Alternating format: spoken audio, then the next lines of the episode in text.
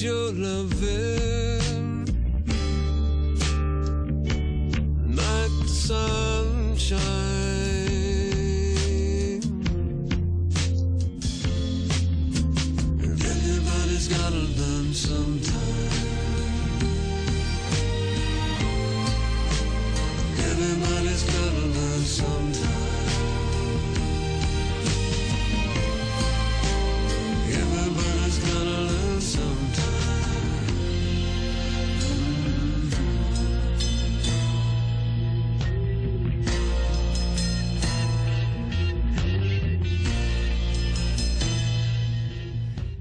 welcome back uh, to the scientist, uh, a bold scientist uh, under the shower.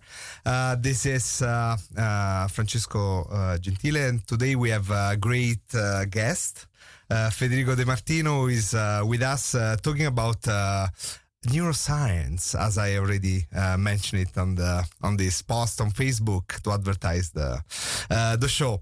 First of all, I wanted to point out that the uh, the the song that introduced the the show was uh, uh, back uh, with everybody got to got to learn something from uh, the great movie we were discussing about that with Federico right before we were we were on air. Um, is Eternal Sunshine in a Spotless Mind is about a guy that uh, wants some neuroscientist uh, to delete his memory about this uh, his lover, but uh, he actually uh, the neuroscientist didn't really manage to because uh, uh, his love was too strong. Very romantic movie. Who didn't watch the movie? I really strongly suggest them to watch it. But now, so probably we have to go to uh, the core of the show. And indeed, our protagonist today is uh, Federico De Martino, professor at the Maastricht University uh, Cognitive Neuroscience uh, Department.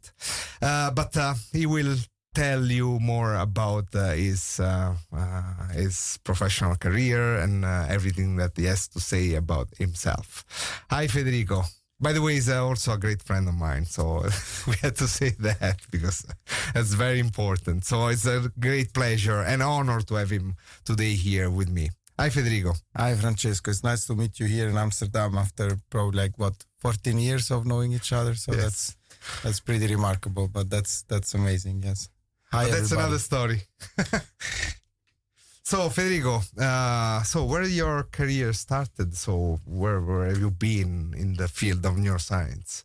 Um, well, I I started by studying electronic engineer. Actually, not not really a cognitive neuroscience by start, but uh, I studied with you. Uh, So let's remember that, and uh, uh, let's not tell everybody how old we are, but uh, it was some time ago, like like a couple of years ago, and uh, and we graduated in Rome, and then uh, after that I came to the Netherlands. It was pretty um, pretty like luck, I would say that that I, I managed to to come to Maastricht, and um, I entered this field and and I got really attracted and fascinated by the the world of, of neuroscience and understanding the human brain, which which is really a, a great problem. And uh, probably one of the biggest problems that that we have.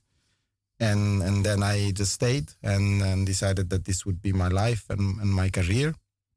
I took some detours in the, on the way. I went a little bit on on the way in the U.S. and came back, but at the end I decided that I would make Maastricht my my my home. So that that's how that's how I got here, and that's why I am here. Great. I love you, Netherlands. uh, but uh, so, as I ask uh, to uh, all the guests I had so far here, uh, was uh, no, yeah, I changed the question actually.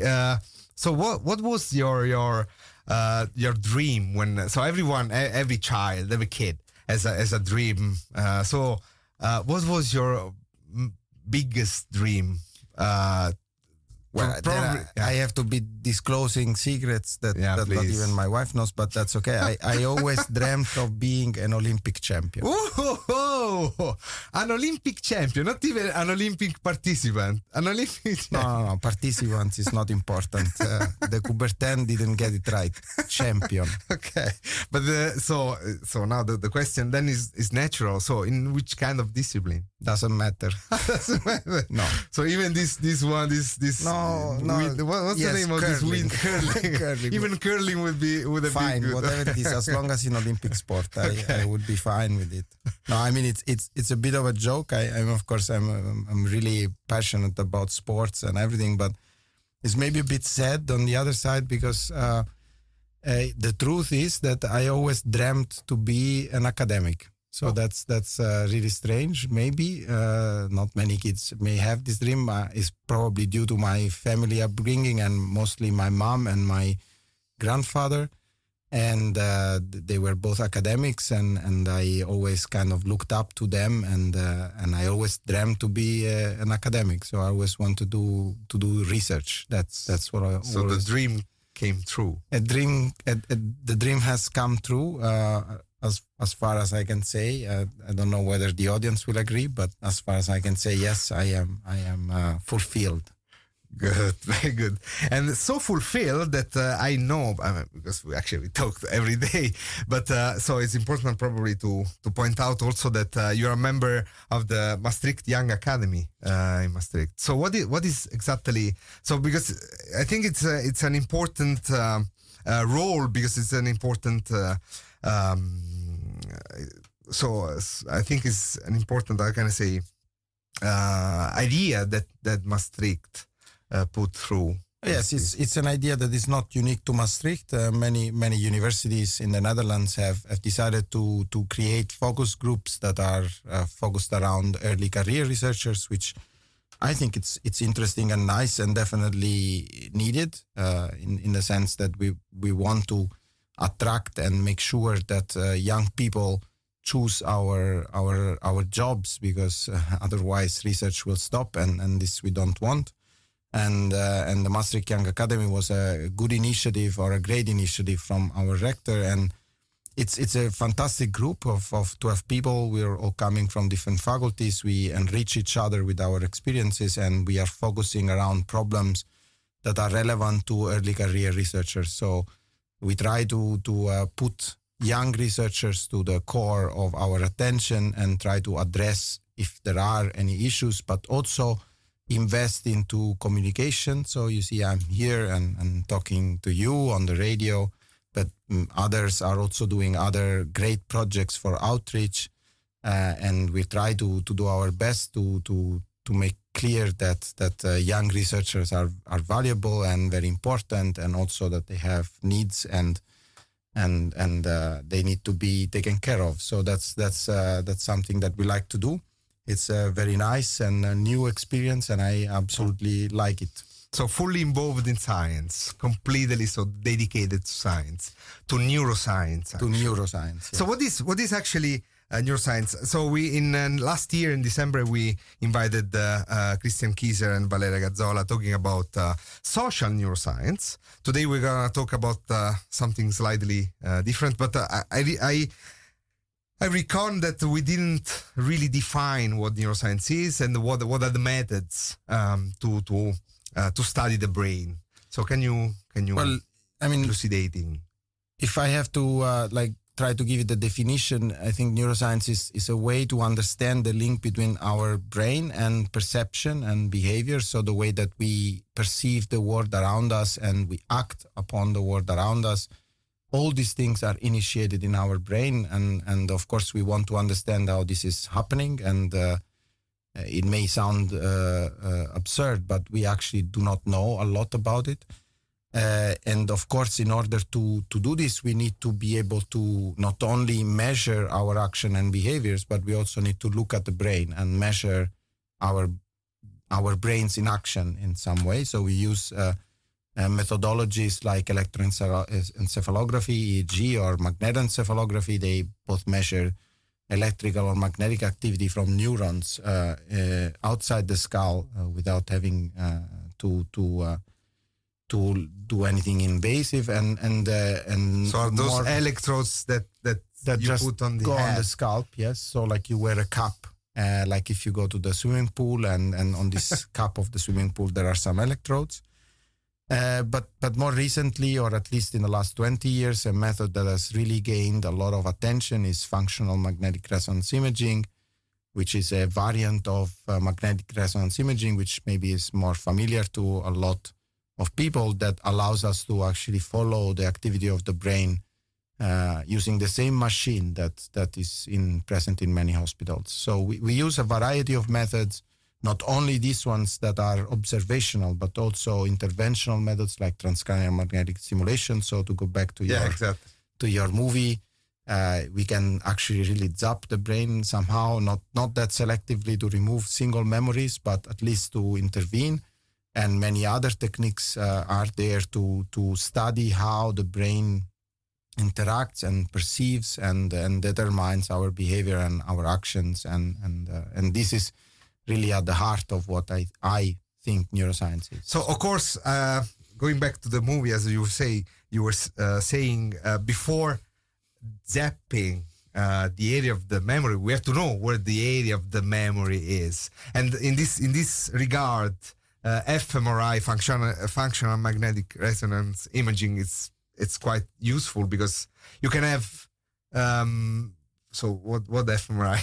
so probably Well, fMRI is is a, a, a new method, so it has been out new in, in, in the world of research. New means like it's somewhat like 20 years old or, or more. So it, it started around 1990, and uh, so uh, it's a method that is based on on the idea that that uh, neurons, which are the really the units that are inside our brain and and, and do all the work, they need, of course, uh, oxygen to to uh, work like uh, any other organ in our in our body. They need to to produce energy, and for energy, they need oxygen. This oxygen is delivered through blood, and uh, what fMRI measures is the delivery of blood to the to the regions that are activated uh, at some at certain moments in time, and it's kind of a lucky strike that that uh, oxygenated blood has very peculiar magnetic properties compared to deoxygenated blood. So that uh, so this means that when when an area is oxygenated, it has a certain amount of signal, and when it's deoxygenated, so when it doesn't have oxygen, it has a different amount of signal, and we can basically then use this byproduct of the activity of neurons to follow uh, to follow which areas in the brain are active uh, through time. So in, in summary, uh, if if if I, I'm doing a certain uh, um, uh, certain uh, behavior uh, and the neuron is is more active, uh, so it's more oxygenated. I mean, Well, it, it's the neurons will will get the oxygen out of the of the surrounding tissue, and then what happens, which is uh, quite remarkable, is that the the our physiology responds by sending to this region a lot of oxygenated blood, much more than it's needed. So imagine it's like if you uh, need uh, two apples to survive, somebody brings you one million apples to uh, just to make sure, right? So it's it's uh, something like this, and what we are sensitive to is really this oversupply. So we really measure this increase in oxygenation that happens because uh, the physiology has responded to this uh, to this uh, uh, need that there is. So we are Italians. We always move our hands while we are talking. You cannot see that at this moment, but the probably while I'm talking now, there are areas in my brain that are activated because I'm talking, because I'm listening, because I'm moving my hands, and we can kind of follow this activation by looking at which parts of the brain are receiving the oxygen at a certain moment in time. It- And- so I can see this with the with the fMRI with the images that comes out from the Yes. from the fMRI. Yes, so you, you we just uh, put our volunteers in the scanner and we ask them to um, watch some pictures or listen to the, some sounds or or press a button or do some some sort of action.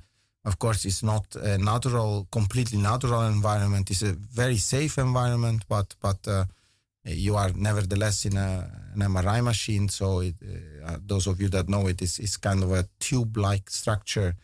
So we need to adapt certain things, but uh, other than that, uh, we can just present stimuli and observe what the brain does in response to the stimuli. So we are just watching what the brain is doing uh, when we are asking people to either watch, but also to behave upon them. So, for example, you can ask people uh, after having seen a stimulus or two to make choices to, for example, decide whether they like one thing better than another, and then you can study the process of choice or for example to say whether they like uh, uh, some person better than another or whether they uh, perceive the certain things compared to another. So it's not just about perception it's also about uh, other more high level cognitive processes. So also if they remember for example so if they have remembered seeing this picture or heard this sound before so it's um, this is our experimental procedure, but the machine is just there to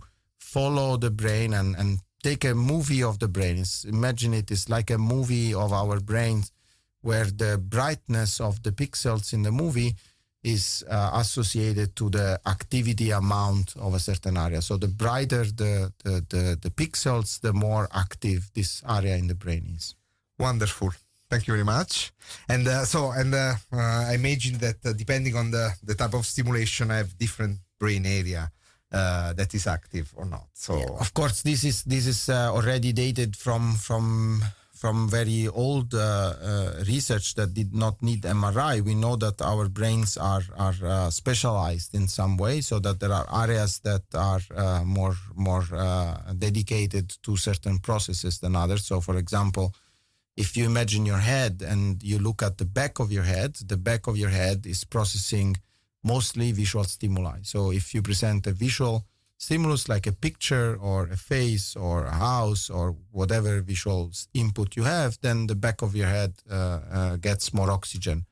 If you present a sound instead, is the two lateral sides of our of our head, which which I mean I would say is the most important part of the brain because of course I study audition, so it's all the rest doesn't matter. But uh, apart from from the jokes, I mean th- this is then there is the motor part, so related to to uh, our say motor actions, but also our sensations. So if you touch somebody on a certain part of the body, and so on and so forth. So also within these areas, we have specializations for specific uh, stimuli. For example, a classical example is that in the visual domain, we have special areas that process faces uh, versus areas that pros- process, for example, um, houses or objects or or uh, or or places or uh, uh, words. Uh, this uh, uh, every specific stimulus, every what we would define category of stimuli, activates preferentially uh, a certain part of the brain, and this idea has has gained a lot of traction, and of course is a dominant idea. Uh, it's not the only idea, but but it allows at least us to form hypotheses on, on how the brain would work and, and what we have to look at. Uh, it, it simplifies a little bit our our job sometimes, although challenging the idea is also important, I would say. So it's always good to keep an, uh, an open mind and, and Okay. remember that, you know, we are scientists after all, so we, we need to be able to. So probably there, there are other, there is something else out there. Yes, that it has to need investigated. And actually, about this something else out there is the uh, next part of our show.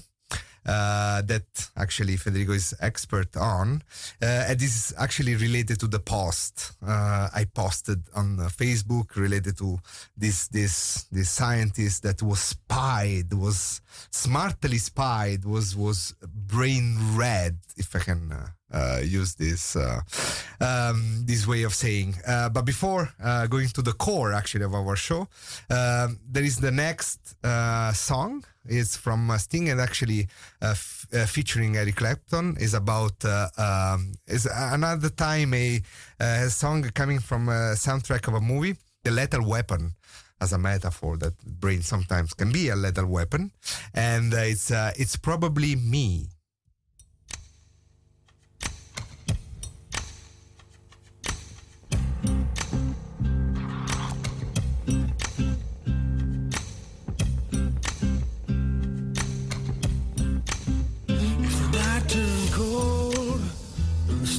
Looked down, and you'd hug yourself on the cold, cold ground, you wake the morning in a stranger's coat, but no one would you see. You ask yourself, who'd watch for me, my only friend? Who could it be? It's hard to say it. To say it, but it's probably me. When your belly's empty and the hunger's so real, you're too proud to beg and too dumb to steal. You search the city for your only friend no one will you see. Ask yourself, who'd watch for me? A solitary voice to speak out and set me free. I hate to say it, I hate to say it, but it's probably me. You're not the easiest person I ever got to know. It's hard for us both that our feelings show. Some would say, I should let you go your way, you only make me cry. Well, if there's one guy, just one guy, laid down his life for you and I. I hate to say it, I hate to say it, but it's probably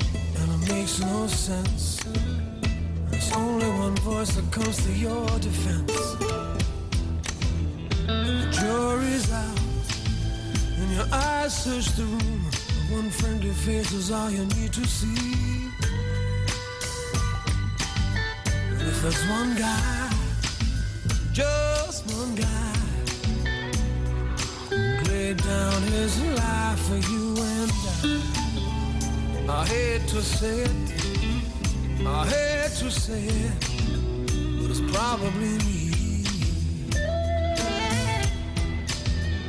I hate to say it, I hate to say it, was probably me. I hate to say it, I hate to say it, but it's probably me. I hate to say it, I hate to say it. It's probably me. I hate to say it. I hate to say it. It's probably me. I hate to say it. I hate to say it. It's probably me.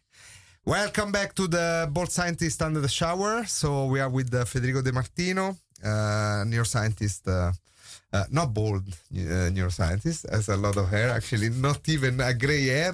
it's something crazy. Also because we have, uh, so we are actually both. No, actually, you're We are young. me. We are young. Don't say it.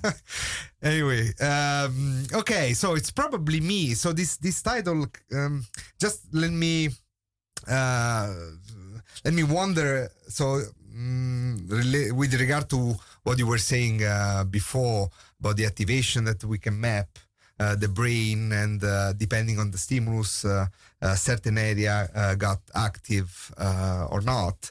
So i was wondering can you um, actually uh, if you put those uh, volunteers in the in the scanner and then uh, you don't tell them anything you just tell them to to to, to think about anything they want to imagine anything uh, uh, they want.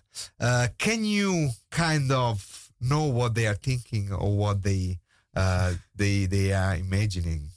So can you kind of spy them? Well, I mean, yes and no, in the sense that that uh, it's a thing that that uh, many people have done, including myself. Uh, we call it brain reading. It's uh, an interesting uh, way of looking at things. So maybe it's easier to start from from the start. So imagine uh, the thing. This uh, you have two pictures or two sounds. Uh, my favorite example. So two sounds. Say you have, for example, the sound of a, a voice of uh, your mother and the sound of the voice of uh, your wife. And they are different. Of course, you can hear the difference very well. So, of course, somewhere in the Sorry if I have to make this joke. I think your wife will hope that you got more active. yes, hopefully yes. instead of the. Yes. Okay. but uh, uh, because because there is this difference, we would like to know how this this happens. So one way that you can think about this is that if you present these sounds many times, and what you can learn is is somewhat what is the the map, the the activation, the the image of the brain that is is associated to a certain stimulus. So, for example, now you will have the translation from the two stimuli to the two different pictures of your brain while you are listening to this stimuli. And then, if you've learned this this uh, this this association, and if you are sure about these pictures, then it's easy in some way to say that when you will see one of the two pictures again, you are fairly confident that what you are doing is either listening or imagining um, the same sound that was associated to that picture. Now, there are a few steps in between. Yeah, it sounds very easy actually. yes, there are a few steps in between in this because one of them is the fact that uh, that uh, uh, you know we we don't really look at neurons. We are looking at collection of neurons. So we are fMRI is always a, a technique that measures brain activity, but it does in in in regions or in units that are not neurons. They are uh, much bigger. They will sound small to the audience if I say it by by something like one millimeter or two millimeter pixels of, of, an, of an image. But nevertheless, there are many, many thousands of neuron, neurons inside.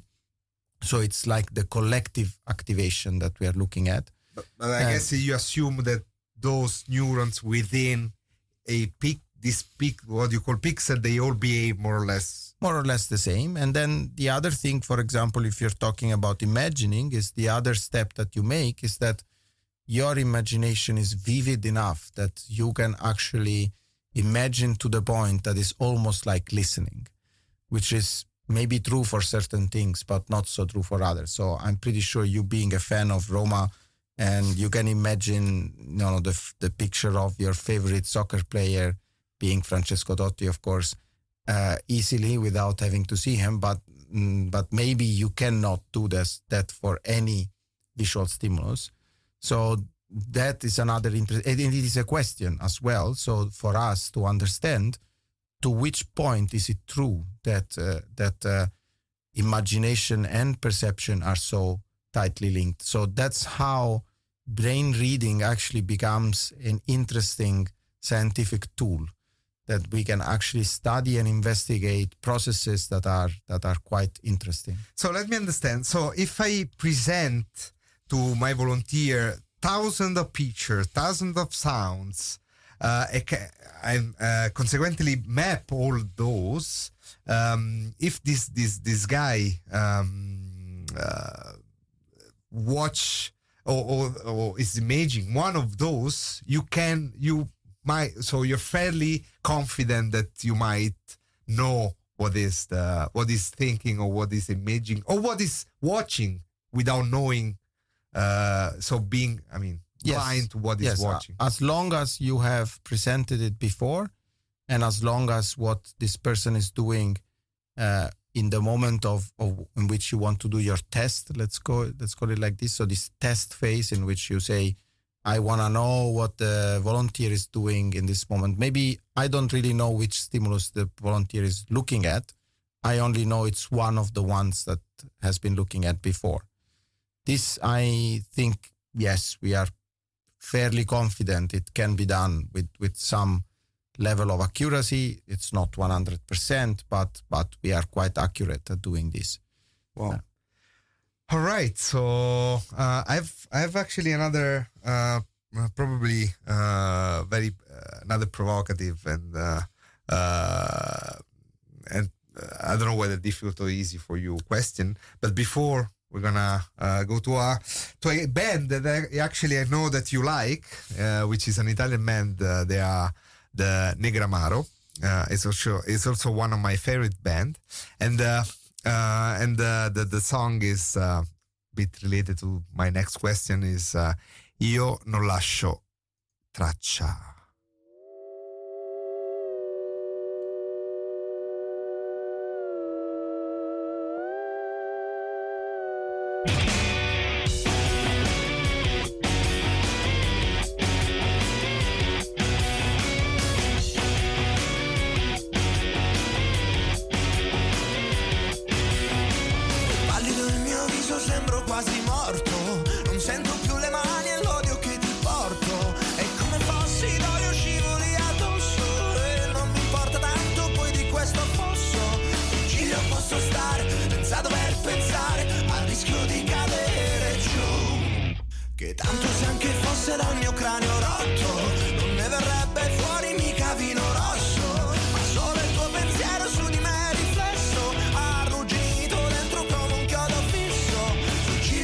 restare, per questo senza avere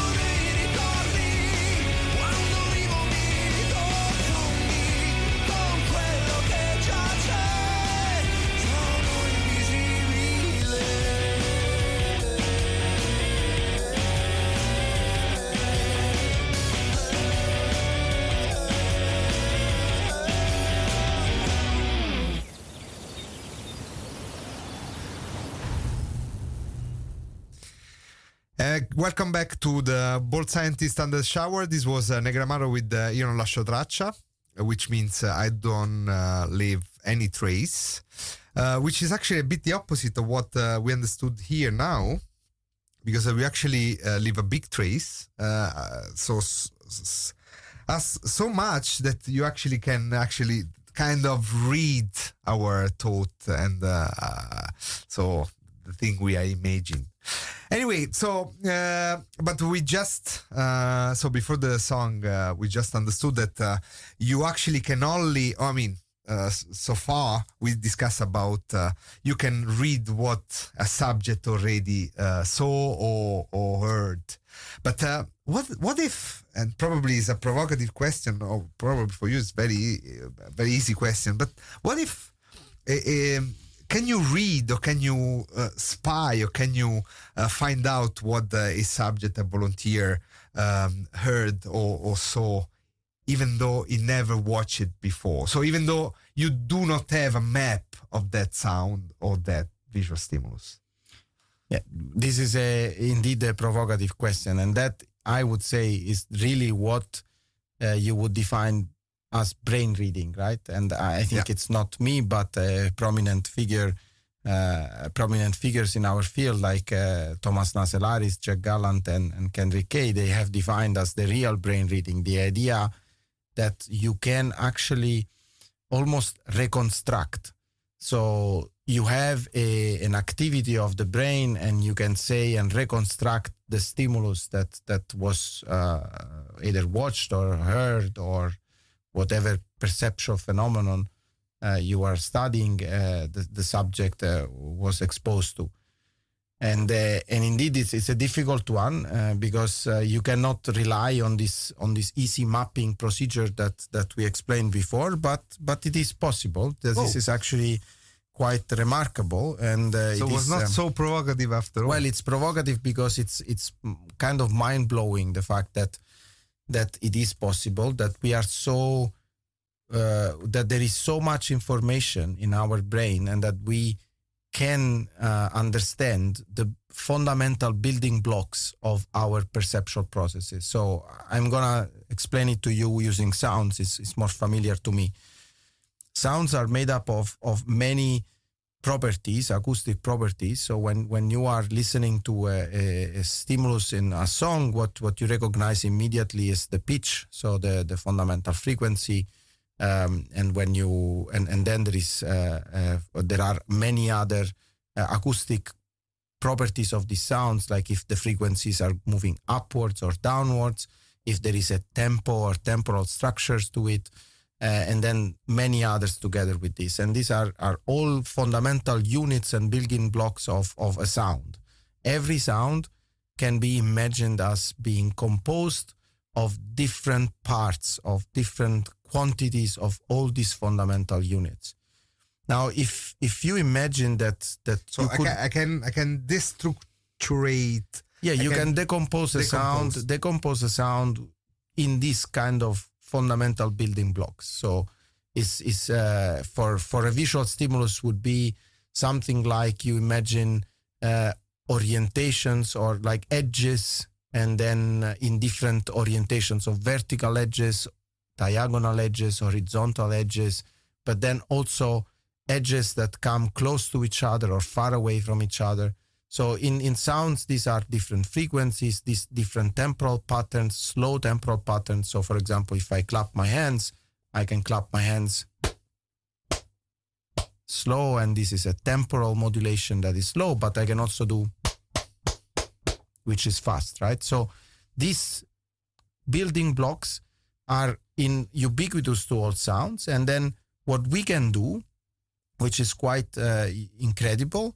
We can use many, many natural sounds, many, many sounds that, that we can present to, to our volunteers to learn how each one of these building blocks is represented in our brain. So, which part of the brain cares about the slow temporal modulation? So, but also which part of the brain cares about the fast ones?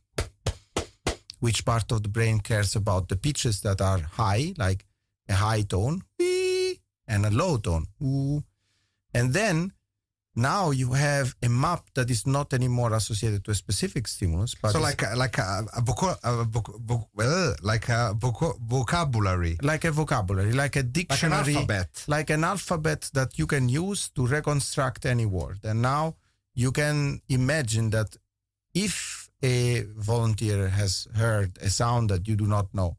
All you need to know is put together these pieces and know that, oh, this part of the brain that I see is very active at this moment in time cares about the fast things, and this other part cares about the high pitches. So probably the sound that this volunteer heard was a high pitch sound with a fast temporal uh, changes.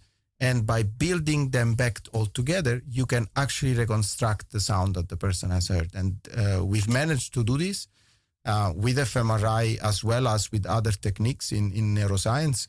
fMRI has some drawbacks, but nevertheless manages to, to do this. And uh, it's uh, incredible. Uh, it can be done also for, for visual uh, stimuli, so we can reconstruct the visual stimulus that that subject that volunteers have seen uh, without ever having presented this before. Uh, so in, in in other words, we now can really do brain reading. So having learned these associations, we can actually do this. But what is even more unique and super nice is that what this tells us is that we actually can understand what the brain does because by reconstructing the stimulus, we can hear, for example, in the case of sounds, how does the brain reconstruct the stimulus based on a certain part of the brain? So we can ask questions like, if I reconstruct the stimulus using only one part of the brain, what would I hear? What would be the deficits that that uh, that would be there if you would not have that part of the brain. So these are are interesting questions that that we can ask with this technique and that are opening us quite a lot of avenues for the future and uh, and uh, there are many others to come so it's provocative it's difficult it's not uh, straightforward but it's possible wow amazing and scary at the same time. I don't know. I, I mean, for me, it's amazing. And now I'm playing. It's quite amazing. Wow. Yeah, very good. So, um, so it's actually, uh, yeah, really, really great what, uh, what, so we can do nowadays. It means, as you were saying before, that indeed, uh, by, uh, by having the evidence that we can manage to reconstruct the brain with those those features that you were talking about, it means that we really know something about. So it means that those features um, are really um, are really there. So are really processed like are like important. think yes, and and these are questions that we still don't know, right? So we don't, for example, know which building blocks make you perceive a face. Yeah. Which building blocks make you uh, perceive a house or another uh, object or how uh, which building blocks make uh, for example a specific sound like a bird or Yeah. or uh, or an elephant sound and uh, and these questions seem simple but um, the uh, of course we can hypothesize on the building blocks and, and artificial intelligence has been doing this for sound recognition for many years. But whether they are the building blocks that are used by the brain this is a different question. And this is what these techniques allow us to, to test. They allow us to test um, whether a computational theory or computational idea of how sounds are, are processed and decomposed are mapped into the brain. And this is super uh, novel and very, uh, very challenging, very interesting.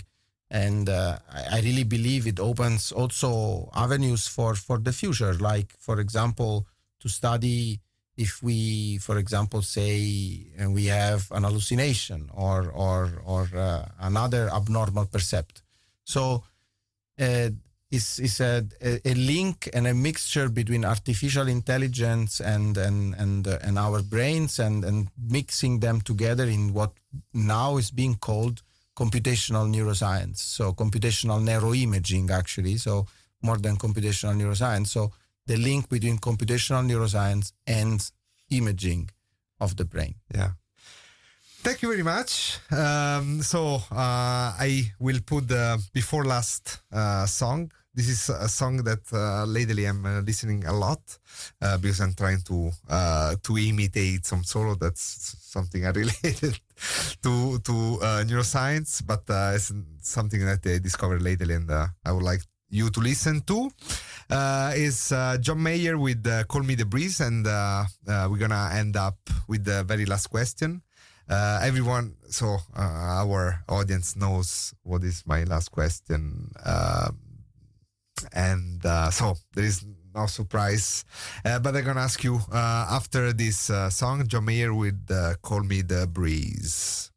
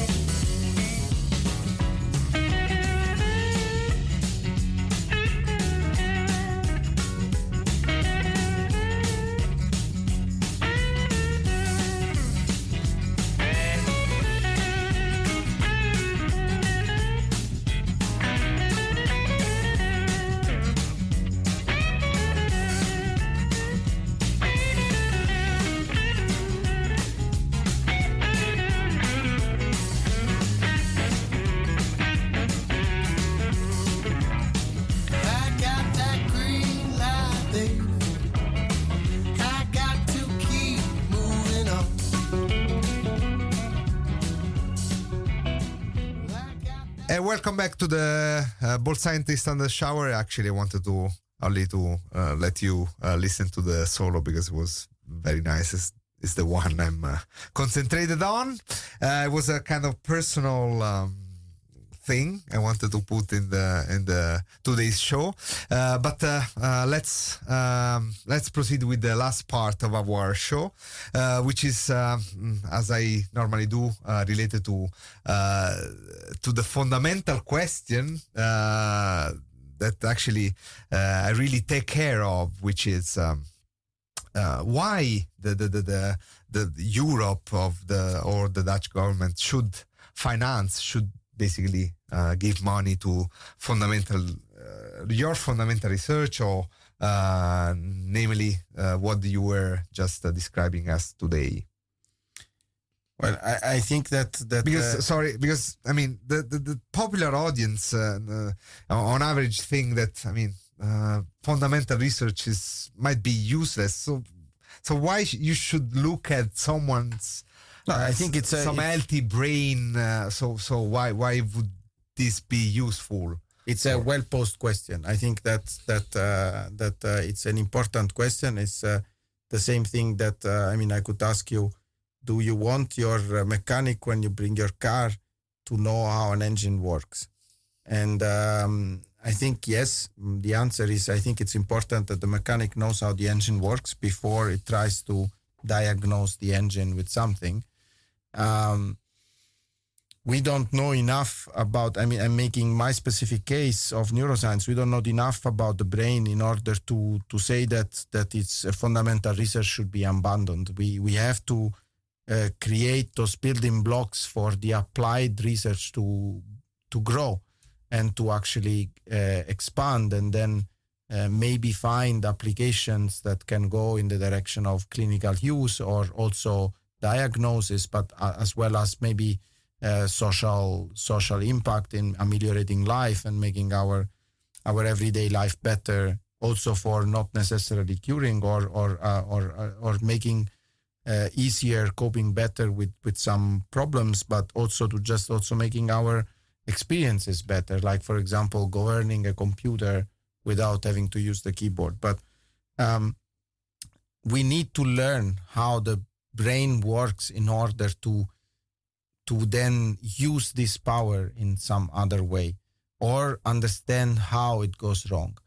I think this is this is the the main reason why fundamental research in neuroscience is needed but it's needed in all the fields and i make you the case of mri itself is the best example at least uh, close to me that i can see uh, that that is clear. I mean mri is a fMRI is a is a matter of the last 20 years. MRI maybe started in the in the 1970s, but it's it builds upon research that started in the 1930s, before the Second War, during the Second World War, uh, in from people that that didn't know what didn't know that that what they were doing would one day bring us to make images of the human brain and or the human body in a non-invasive way that it would revolutionize the clinic and make uh, investigation clinical investigation totally different.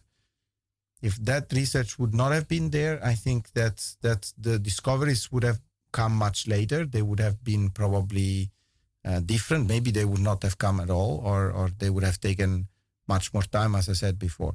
So i think that these building blocks are what we are striving for unfortunately, we need to invest in order to find enough building blocks to then decide that some are good and others are not. So uh, the cost is, is an important issue, but I think that that uh, there are many successful cases that show that that in the end uh, it's also beneficial.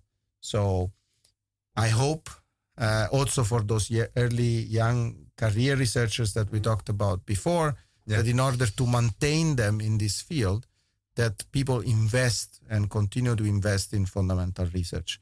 Uh, not that uh, that you know we cannot do without. Of course, uh, great minds can also uh, do without investments, but but the, the, the in some cases they they are needed. There are uh, there are needs that that are required, and they are just uh, you know the ones that that you know to allow people to work, to give them lab spaces, to to uh, to foster also a, a, good collaborative environment, a, a interdisciplinary research, yeah. which is important.